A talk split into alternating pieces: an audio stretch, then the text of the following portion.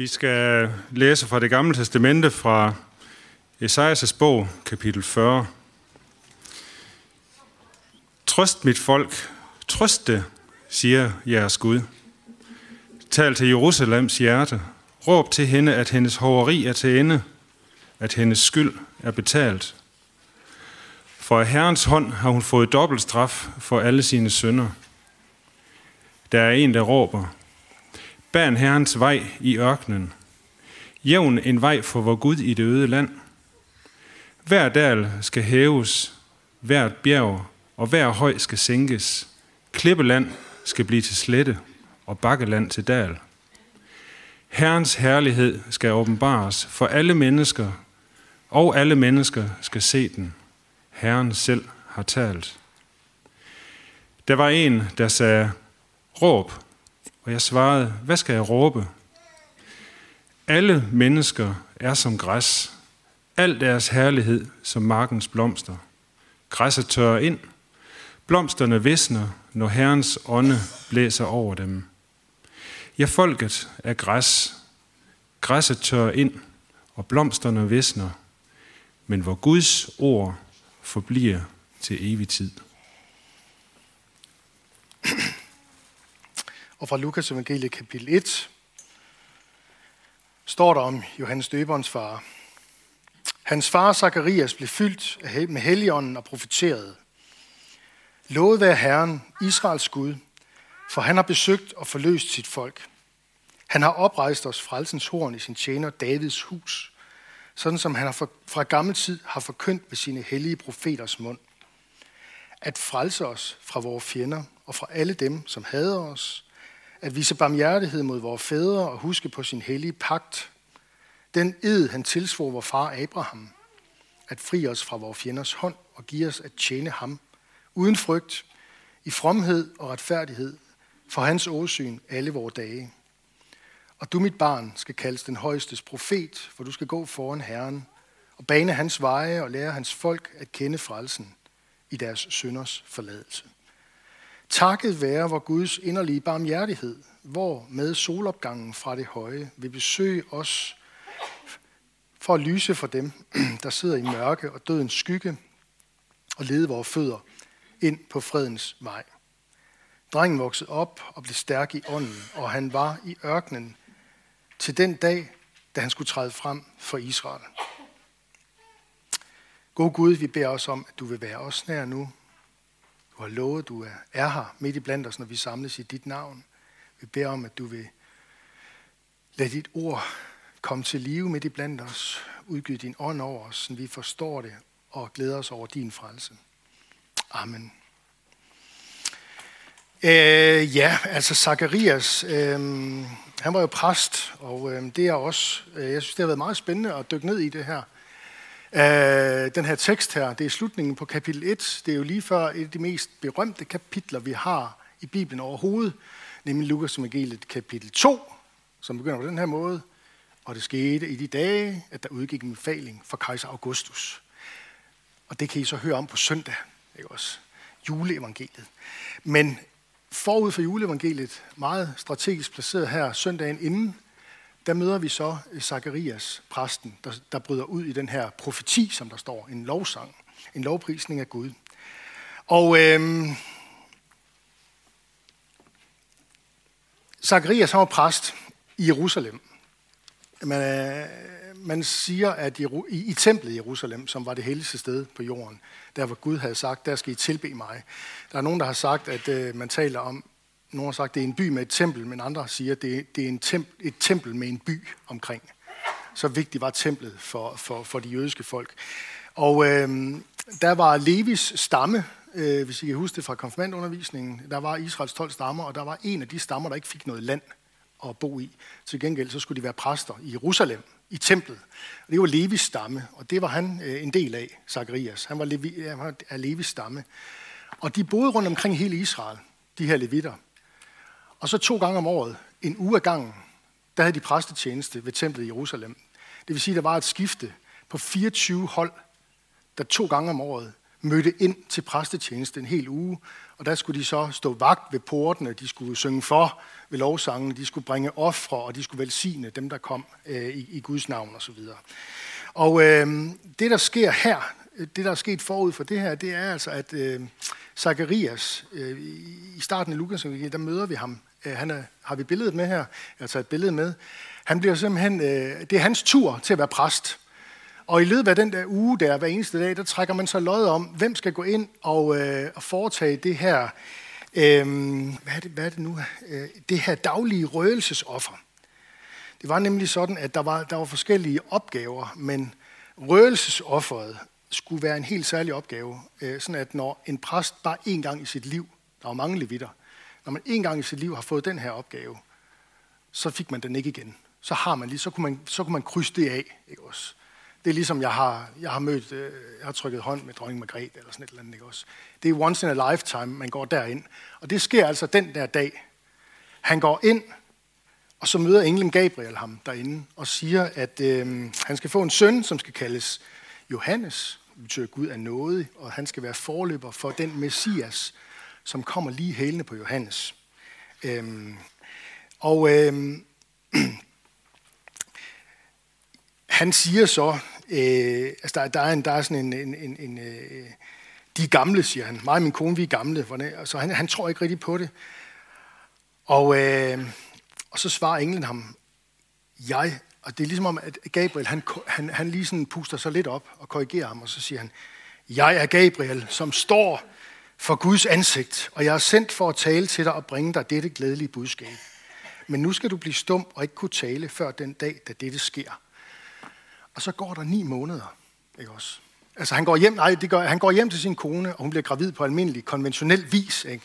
Og så går der ni måneder, og så bliver, så bliver Johannes født, og, øhm, og otte dage senere, der skal han så efter jødisk skik omskæres, som Johannes blev. og Alle dem, vi kender, Jesus blev også omskåret osv. Øh, og det er til den fest, den barnedåbs, eller den omskærelsesfest her, øh, hvor, hvor naboerne er samlet og så videre, at, øh, at, han, at han synger den her, den her lovsang. I mellemtiden er der så sket det, også i kapitel 1, at øh, der også er en berømt tekst, nemlig at øh, englen Gabriel, han, han går ikke kun ind og snakker i templet med præsten. Han tager også et smut til Nazareth og snakker med en ung pige, der hedder Maria, og fortæller hende, at hun skal føde øh, Guds egen søn. Øh, ikke en, der skal forberede veje, men en, som skal fuldføre Guds frelsesplan. Han skal kaldes den højeste søn, og Gud Herren vil give ham hans far Davids trone. Og øh, det, det kongedømme, han kommer til at være konge i, er et evigt kongedømme. Han skal være konge over Jakobs hus til evig tid. Jakobs hus. Det er sådan et gammelt, gammelt sprog fra Gamle Testamentet. Det er et andet udtryk for at sige, og det jødiske folk og Israels folk. Han skal være konge over Jakobs hus til evig tid, og der skal ikke være ende på hans rige. For hun altså at vide. I kan nok høre det fra Maria Bebudelsesdag, de her tekst. Den tekst hører til der, ikke også? Og øh, det næste, der så sker, det er, at Maria bryder op og tager ned og besøger Elisabeth og Zakarias. Og da hun kommer ind og banker på og siger, hej, hej, nu er jeg her og sådan noget, de er jo i familie med hinanden, så står der, at, at, at Johannes i mor Elisabeths mave, barnet springer, ligesom, og det, Johannes er den første, der hilser på Jesus. Og han gør det allerede der i fosterstadiet. Og det siger hun, da, da jeg hørte der komme, der sprang barnet i mig, siger Elisabeth til Maria. Altså den gamle kvinde taler til den unge kvinde. Og så siger hun noget meget ejendomligt. Hun siger, da jeg hørte min herres mors stemme, sprang barnet i mig. Sådan siger den gamle kvinde Elisabeth, der er meget mere gravid, end, end Maria er. Jeg har taget et billede med af det. Ja. Det var en kampagne, man kørte i 2010 i England. Jeg ved ikke, om det var den anglikanske kirke, eller, eller hvem, hvem det var. Men øh, det, det, det, siger jo også, det siger også noget om, altså, at øh, han, han er Gud. Øh, han er Gud fra evighed af. Men han er også Gud, der bliver menneske, og han er det allerede i mor Marias mave. Øhm, øhm, en stærk øh, understregning af, af fosterets værdi. Øhm, og så kalder øh, Elisabeth, altså det barn, der ligger i, det lille bitte foster, der ligger i maven der, for min herre. Et meget, meget, meget stærkt udtryk. En meget, meget sådan, hvad kan man sige, fornem, stærk bekendelse af, hvem er det barn, Maria bærer på. Jamen, det er vores Herre. Det er menneskehedens Herre, Guds søn og verdens frelser. Ham, som selv øh, får lov i sit voksenliv at få det navn, som er Guds eget navn. For når Jesus kaldes for Herren, så er det jo Gud, Herren selv, der er kommet til jorden. Det er meget, øh, meget stærkt. Meget stærkt. Nå, men øh, jeg skal passe på, at jeg ikke fortaber mig i det her, men jeg, jeg, jeg, jeg, jeg, jeg faldt simpelthen ned i et fantastisk hul der i hele kapitel 1, fordi det hænger jo sammen. Ikke? Også fordi vi, så forstår vi, hvad det er, når vi så kommer hen til lovsangen her. Nu er vi fremme ved Zacharias' øh, lovsang, ikke også? Og øhm, der sker det, at øh, til den her omskærelsesfest, der begynder naboerne sådan at, at sidde og, hvad skal han hedde, og han skal da hedde det, og han skal da hedde det, og sådan noget. Og så siger hans øh, mor, øh, altså øh, Elisabeth, så Johannes og Elisabeth har jo talt sammen. Han har skrevet til hende på en, et eller andet, han skal hedde Johannes, for det ved hun. Hun siger, han skal hedde Johannes. Og så siger nej, det er der ikke nogen, der hedder i din slægt. Det står der her. Og så spørger de faren, hvad han vil have, drengen skulle hedde, og så tager han en tavle frem, og så gentager han det, de har talt om inden, for han havde fået det videre. Englen, han skal hedde Johannes, altså Gud er nådig. Og så, øh, det undrer de sig over, men det kommer han til at hedde, og i det øjeblik, der får han, sin, øh, der får han sit male tilbage. Der kan han tale igen. Han har gået i ni måneder og ikke kunne sige noget. Zacharias' lovsang, det er det første, han siger. Jeg synes, det er interessant, hvis vi lige får sammenhæng med her. Og hvad er det så, han siger? Siger han noget om, nu skal I høre, for ni måneder siden, der mødte jeg englen Gabriel. Nej, han siger ingenting om det. Ingenting. Øhm, de tanker, han har gjort sig i de ni måneder, de kommer ud i den her lovprisning her. Han siger ikke noget om sin mistede stemme. Han siger ikke noget om englen, han har mødt. Han siger meget lidt om sin egen søn. Dog lidt i vers 76. Og du, mit barn, skal kaldes den højestes profet, for du skal gå foran Herren og bane hans veje. Altså en direkte henvisning til det, vi lige hørte før blev læst, altså i Isaias kapitel 40. En direkte henvisning til det. Øh, at, at, at, at Johannes, han er den, der kommer lige før Messias kommer. Øh, det er det, han siger. Og øh, du skal lære hans folk at kende frelsen i deres synders forladelse. Sådan taler han om det. Øhm, og det det er måske også værd lige at blive stående der i et kort øjeblik og tænke over, hvordan bliver et menneske frelst? Hvordan bliver et menneske frelst? Det får vi jo Johannes' øh, om man så må sige, profetiske bud på her. Ikke også? Bliver, bliver vi, vi bliver ikke frelst ved, at vi er fuldkommende, eller gode, eller kærlige, eller fejlfri, eller ved, at vi prøver at være det så godt, som vi nu kan. Vi bliver ikke frelst ved, at vi tager os sammen. Vi bliver frelst igennem tilgivelse. Vi bliver frelst ved, at Gud gør noget. Vi bliver frelst ved, at Gud tilgiver os for Jesu Kristi skyld. Derfor bliver vi frelst, og ikke af nogen anden grund. Øh, og så tilbage til Zacharias' tak til Gud. Og jeg, jeg, jeg kom til at, altså når jeg læser det, ikke også, altså, lovet af Herren Israels Gud, og vores fader Abraham, og Davids hus og sådan noget. Altså, Zacharias, han ser det som en, det, der sker nu, som en stærk opfyldelse af de løfter, Gud har givet til sit folk, sit øh, udvalgte folk, de jødiske folk i det gamle testamente. Han tror på alt det, der står skrevet. Han er selv en del af det her folk. Johannes er en del af det folk.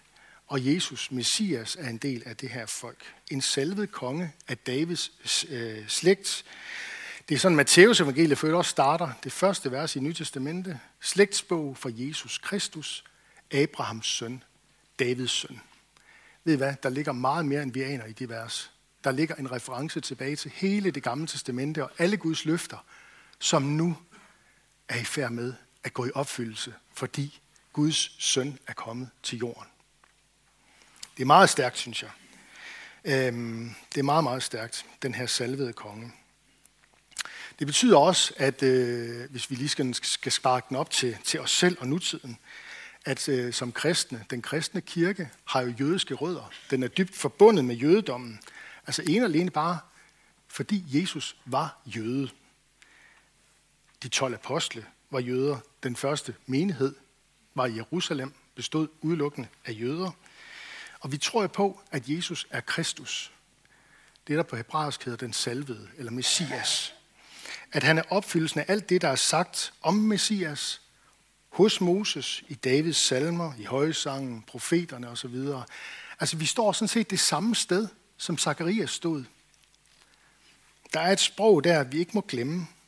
Lige om lidt, så fejrer vi jøden Jesu fødsel. Så det jødiske folk og den kristne kirke er på en eller anden måde uløseligt forbundet sammen. Vi har jødiske rødder. Sådan som en øh, teologiprofessor i Aarhus, Regin Printer, sagde engang under 2. verdenskrig i 1941, han siger sådan her i, i en bog, alle vi hedningefolk, vi kan slet ikke få Jesus til frelser, uden at vi samtidig kommer til at stå i et inderligt og uløseligt forhold til jødefolket. Sådan sagde han dengang. Det er et gammelt sprog, men jeg håber, I forstår pointen. Han talte og stillede et spørgsmål, hvad er hemmeligheden ved det her folk? Jamen hemmeligheden, det er Guds udvælgelse. Sådan har Gud valgt at bringe frelsen til verden. Det er derfor, Jesus selv siger til kvinden, han engang møder ved en brønd i Samaria, frelsen kommer fra jøderne. Det er ikke jøderne, der har frelst os, men da Gud blev menneske, der blev han jøde og blev en del af det jødiske folk og opfyldte profetierne, som de her jødiske profeter havde fået århundreder tidligere. Så der er et eller andet form for slægtsfællesskab, en eller anden, et eller andet skæbnefællesskab, en forbundethed her, som vi skal lægge mærke til. Også når vi ser jødehadet her i verden, antisemitismen, ikke også? Det er, det er jo dybest set et had imod Guds folk. Bredt forstået. Mm. Nå, hvad siger han mere?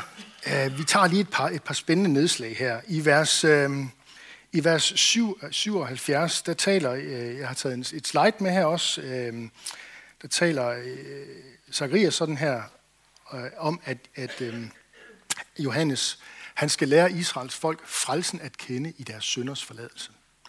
Og det kan jo godt virke sådan meget. Hvis ikke, hvis ikke vi havde mere end det, så kunne vi tænke, at Jesus er blevet menneske kun for at frelse Israel. Og han siger også selv, jeg er ikke kommet til andre, end de fortabte for Israels hus, siger han et sted. Men når vi læser videre, så kan vi se, at det var sådan, det var. Det var sådan i første omgang. Der er noget, jeg, der er noget, jeg lige skal have gjort, gjort færdigt i første omgang. Var, var det det her folk, der fik løfterne. Men vi ved også, at Israels Gud er hele verdens Gud. Det finder vi ud af, når vi læser videre. Blandt andet om i det sidste kapitel i Lukas evangeliet, hvor Jesus taler til sine disciple, øh, efter han er opstået fra de døde. Og så siger han sådan her i vers, øh, i vers øh, 46 47, således står der skrevet, Kristus, altså Messias, skal lide og opstå fra de døde på den tredje dag. Det er altså noget, der er forudsagt i det gamle testamente, siger han. Og i hans navn skal der prædikes omvendelse til syndernes forladelse for alle folkeslag. For alle folkeslag. Det er det samme udtryk, han bruger øh, i første omgang. Det er derfor, Paulus han taler om det her med, at evangeliet i, i Rombrevet, der bruger han det her udtryk, evangeliet er for jøde først, og så for græker. Det er et mærkeligt udtryk, men det betyder, at jeg går, og det, vi kan også se det i Paulus' missionsstrategi i Apostlenes Gerninger, han går til konsekvent til synagogen først, til jøde først. Det er hans missionsstrategi, og så går han til de andre folkeslag. Øhm, Jesus siger selv til sine jødiske disciple, da de er samlet der i Jerusalem, at øh, nu skal I vente indtil Helligånden bliver udgydt over jer, og så skal I begynde i Jerusalem, Judæa, Samaria, ja ind til jordens ende. Det her, det er noget, som er mere vigtigt at forstå, end, end vi lige aner, fordi der er nogle masser af tekster, der åbner sig op når det går op for os, hvad Bibelen egentlig siger om jøder og hedninger og folkeslag osv. Fordi det er, den, det er den tankegang, det er den tankeverden, de er i. Zacharias og Paulus og Johannes og alle dem, der skriver. Øh, og det synes jeg er, øh, det har jeg bare lyst til lige at minde jer om. Jeg har et vers mere. Det er vers 70, som også sprang i øjnene, hvor han taler om det her med, at Gud har oprejst øh, frelsen, frelsens horn, som er sådan et udtryk for øh, den her forventning til øh, øh, løftet om Messias, der skal komme. Det står i salme 132 i det gamle testamente, at Gud vil lade et horn vokse frem for David. Altså det, er knyt, det er sådan et mærkeligt gammeldags udtryk, men det, det, er igen, det, er en, det er noget, der peger frem imod, at der skal komme Messias, og han skal komme med kraft og frelse ja, det kan vi sige, det kunne man sige mere om, men jeg vil bare lige gøre opmærksom på, han siger, han understreger sig det, han har at sige ved at, ved at sige sådan her, sådan som Gud fra gammel tid har forkyndt ved sine hellige profeters mund. At det, der sker nu, er noget, der sker, som er i overensstemmelse med, hvad vi kan læse i det gamle testamente. Sådan siger Zakarias. Det, der er vildt, det er, at Lukas, han skrev jo to skrifter.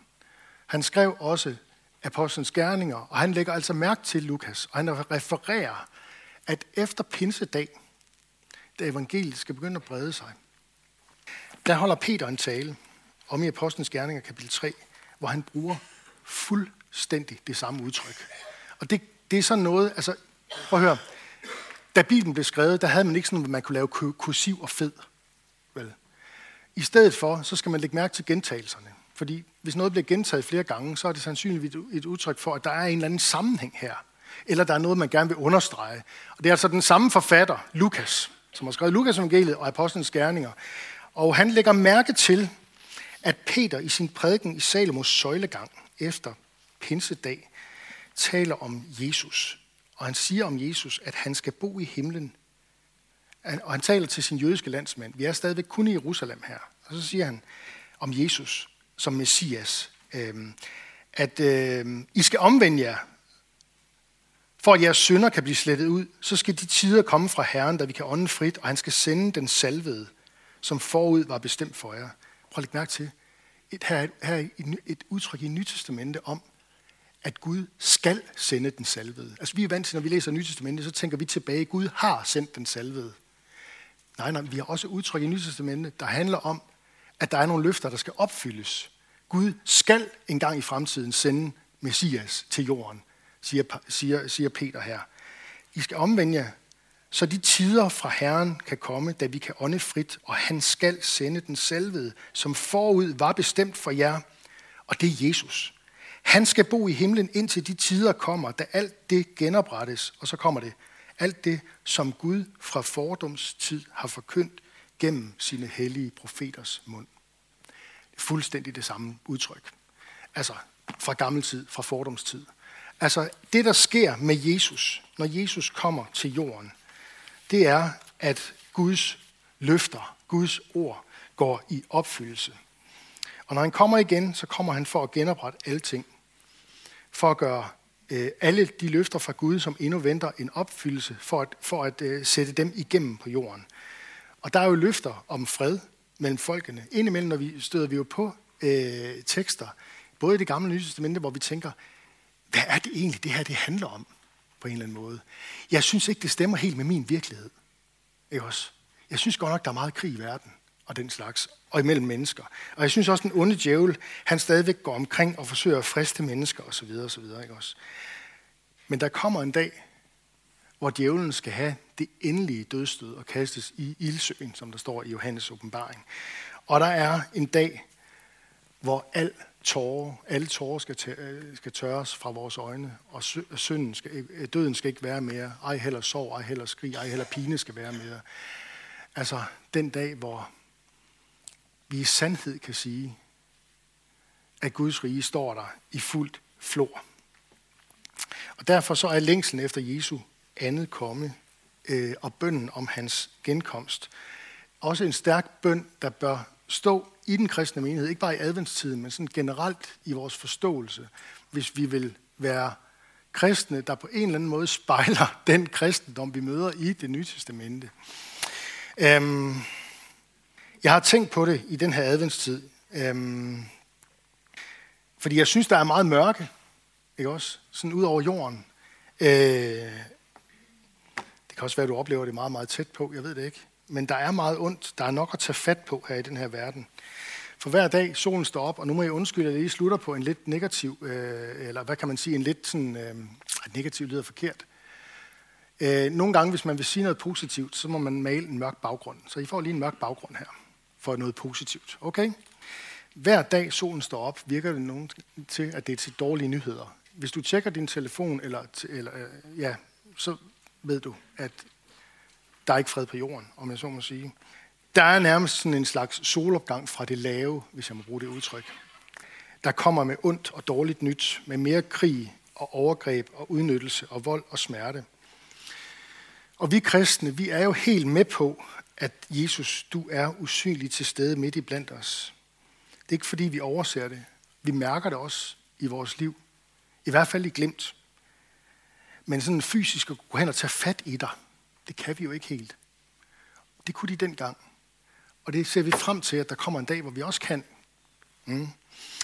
Vi glæder os over Jesu, over, Jesus, over din frelse i menneskenes liv og i vores liv. Og der er ikke noget, vi heller vil end os selv at prøve at kæmpe for fred og retfærdighed, så langt som det nu står til os, mellemfolkelige samvirke, og hvad det nu hedder, alt det hele, ikke også?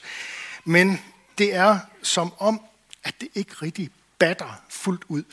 Det er ligesom om, at når vi prøver, så bliver profetierne ikke helt opfyldt. Der er noget, der mangler. Ikke? Der er ligesom noget, det er ligesom om, det ikke helt slår til. Um, og Jesus, du har jo også selv sagt, at det er som med en mand, der skulle rejse til udlandet. Sådan sagde han engang om en lignelse. Um, og så bad han også i samme åndedrag om at være vågne. Våg derfor, for I ved ikke, hvad dag jeres herre kommer. Det sagde han for 2000 år siden. Og dengang, da kirken den var helt nyfødt, i den spæde morgen, der ventede man Jesus lige rundt om hjørnet. Det er meget tydeligt i det nye testamente. Man ventede ham lige rundt om hjørnet. Men han kom ikke. Senere så ventede man ham lidt hen over middag. Og øh, kirken den blev forvirret og begyndte at skændtes, som, der, som du selv siger, Jesus, i en lignelse. Min herre lader vente på sig, og man gav sig til at slå sine medtjenere. Og Jesus kom stadigvæk ikke. Og nu virker det til at være tæt på midnat. Jeg ved ikke, hvor mange minutter den er i 12. Det er der ingen af os, der ved. Men det virker til at være temmelig mørkt omkring os, og menneskeheden den vælter rundt i den sorte nat. Profeten Esajas siger et sted, ham bruger vi jo gerne at læse her i adventstiden. Og nu får I så et alternativ vers. Vi ikke hører så tit i adventstiden fra Esajas 59. I kan selv gå hjem og slå det op. Esajas skriver sådan her. Vi venter på lys, men der er kun mørke på stråleglans, men vi vandrer i mulm. Som blinde famler vi os langs muren, famler os frem, som havde vi ikke øjne. Sådan en muldvarpe tilværelse. Vi er så klar, Jesus. Du må gerne komme snart. Man siger, at den mørkeste time, den er lige før daggry. daggry. Dylan synger en dag om det i en sang. They say the darkest hour is right before the dawn, synger han i en blues. Og det passer jo meget godt, at der er lidt bluesstemning over adventstiden også måske. Lidt melankoli. Den mørkeste time er lige før daggry. Lad os håbe, at det er derhen, vi er ved at være, fordi den dag Jesus kommer igen, og øh, vi er helt med på, at den dag eller time er der ingen, der kender. Jeg citerer ham selv nu. Den dag eller time er der ingen, der kender. Hverken englene i himlene eller sønnen, men alene faderen. Matthæus 24. Et sted, du må selv gå hjem og læse det i sammenhæng. Men det er vi helt med på, at det, men vi spørger bare, er det ikke ved at være lidt op over? Øhm, nogle af os har nok den der følelse af, jamen der er så meget, jeg gerne vil nå, og når han kommer, så kommer han og tager noget fra mig, som jeg holder af. Det er et bedrag. Jesus kommer ikke og tager noget fra os, som er skønt, eller smukt, eller ægte, eller sandt, eller godt her i verden.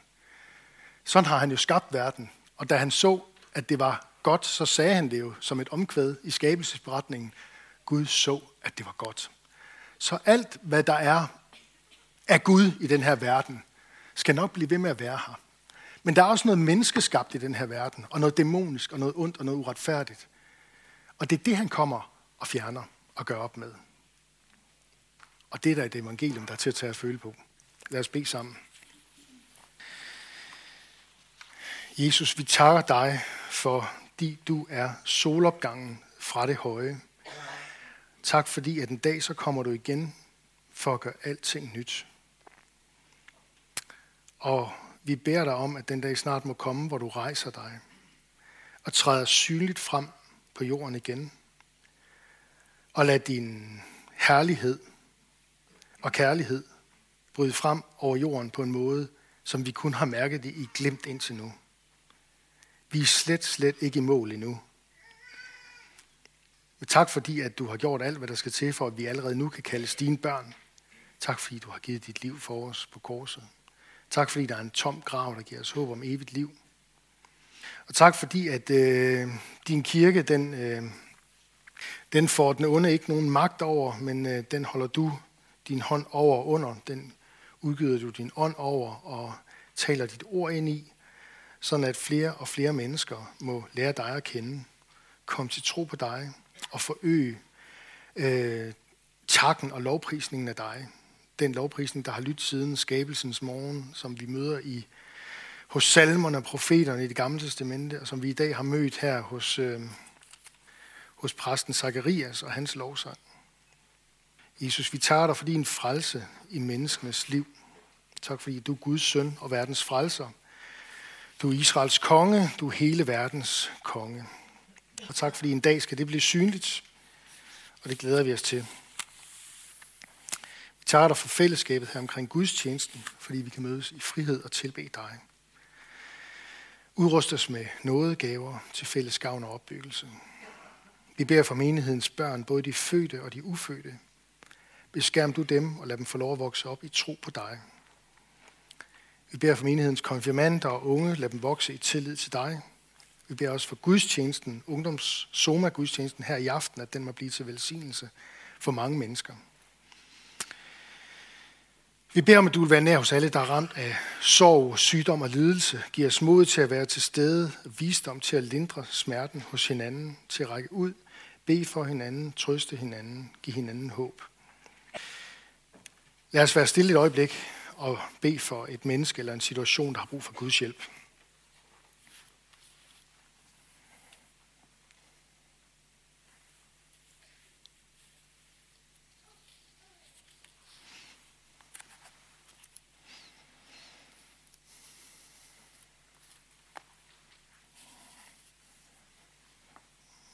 Beder for de, som er rejst ud her fra menigheden, for Daniel i Grønland, Kirsten i Jerusalem, eller som snart rejser tilbage til Jerusalem. Vi beder om du vil velsigne dem og bevare dem og lade, bruge dem i, i din gerning der, hvor de er. Vi beder om, at øh, evangeliets lys må skinne blandt den her verdens muslimer, så de omvender sig og lærer dig at kende som den eneste sande Gud. Vi beder øh, for det jødiske folk og om fred i Jerusalem, om at du vil udgyde nådens og bøndens ånd, og vi beder om Jerusalems fred. Vi beder for de folk og lande, hvor krigene raser og lidelserne hober sig op. Trøst de sørgende, helt de sårede, befri de bortførte, beskyt de uskyldige og væveløse, og lad de skyldige og ansvarlige stå til regnskab. Lad der komme fred mellem mennesker og folk, og lad mennesker finde fred i dig. Vi beder også om, at de gode nyheder om dig er, der må få fremgang her i Danmark. Vi beder for os selv og hele vores folk. Vi beder for alle, der er blevet betroet magt og autoritet. Hjælp dem og os til at værne hinanden imod uret og vold. Og kom så snart, Jesus, og gør alting nyt. Amen.